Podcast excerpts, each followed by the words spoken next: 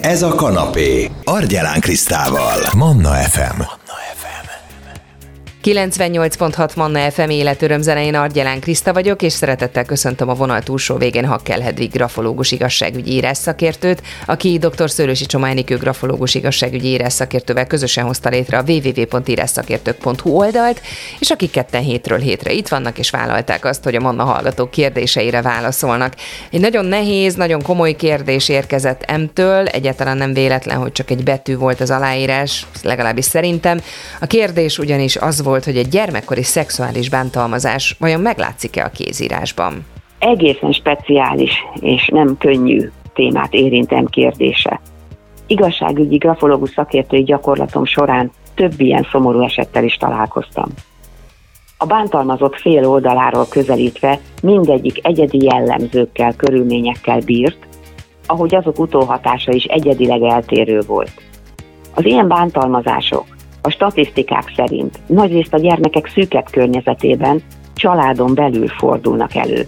Kisebb részben a tágabb, illetve idegen környezet oldaláról. E tekintetben több kérdés is felvetődhet a megélt trauma maradandóságával kapcsolatban. Milyen gyakran felmerülő kérdésekre gondolsz itt, Hédi? Például, hogy mennyi idős korában érte a gyermeket az abuzus. Mennyire volt tudatában annak, hogy ami vele történik, az rossz és nem megengedhető. Fontos lehet az is, hogy azóta mennyi idő telt el. Egyszeri vagy ismételt, esetleg hosszabb időn keresztül fennálló bántalmazásról van-e szó. Talált-e például magának védelmező felnőttet abban az időszakban, akinek elmondhatta, mi történt vele, és aki hitt is neki, mert ez gyakran probléma lehet a környezet részéről ilyen esetekben. Kapott-e szakszerű segítséget? Ha igen, akkor milyen gyorsan vált az elérhetővé számára?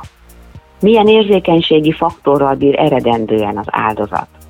És ami megint csak nem mindegy, később is találkozhatott-e a bántalmazójával? Ezek együttesének alakulása mind-mind meghatározhatja azt, hogy maradnak-e felelhető nyomok az adott személy kézírásában.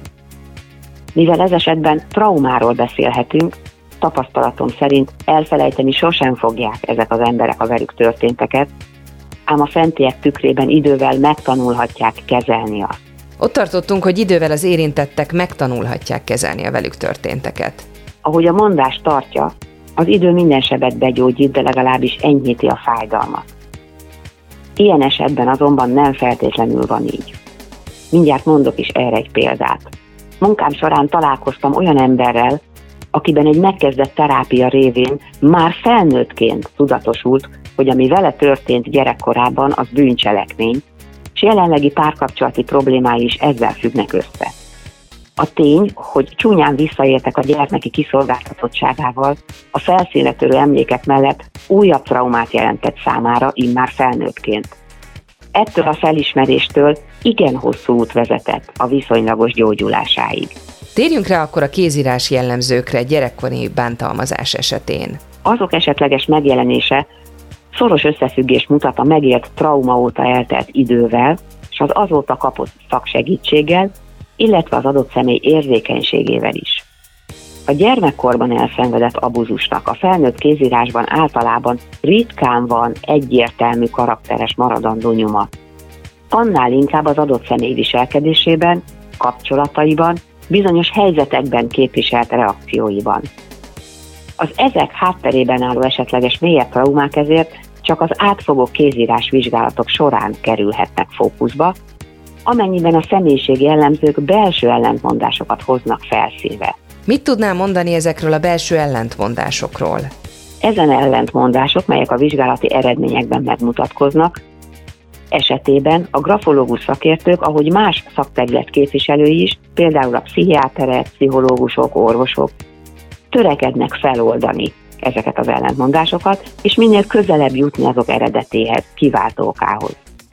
Ez a folyamat általában szintén nagyon hosszú, és mindenkor az adott személy lelki teherbíró, illetve megnyílási képességéhez igazodó. Tehát amíg fel tudja oldani, fel tudja dolgozni az ő traumákat. Mit mondanál el még itt, Hédi? Fontos kiemelni, hogy a kézírás vizsgálatot végző grafológusok csak a kézírásból feltáruló ellentmondásokat rögzíthetik. Azok hátterének mélyebb vizsgálata, vagy komolyabb problémák gyanúja esetén a kapcsolódó élmények, érzések oldása, kezelése már terápiás szaksegítséget igényel, így túlmutat a grafológusok kompetenciáján.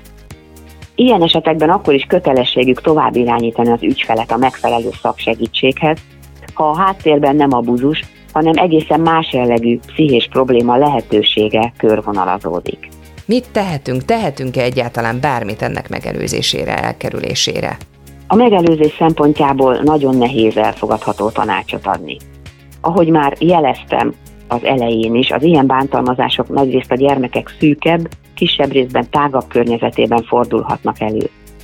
Éppen ezért fontosnak tartom, hogy mindig figyeljünk a gyermekeinkre, legalább esténként beszélgessünk velük el az aznapi élményeikről, és figyeljünk arra, ha hirtelen zárkózottá, visszahúzódóvá válnak, vagy kifejezetten nem akarnak valakivel egyedül maradni, esetleg egy bizonyos személy közelében lenni.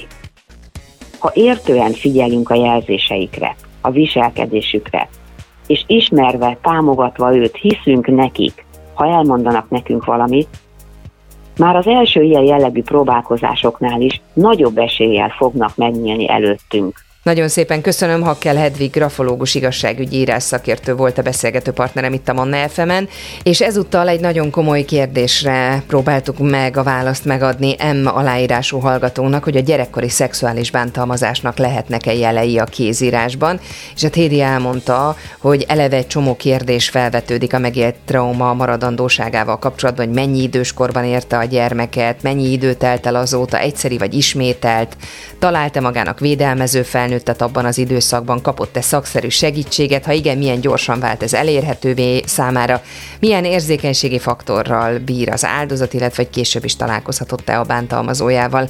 Ezeket megvizsgálva aztán Hédi mondott egy-két támpontot, illetve a legfontosabb talán az, hogy hogyan tudjuk ezt megelőzni. Hogyha valakinek van ehhez a témához hozzászólni valója, kérdezne, a 0677 ra lehet ezt feltenni.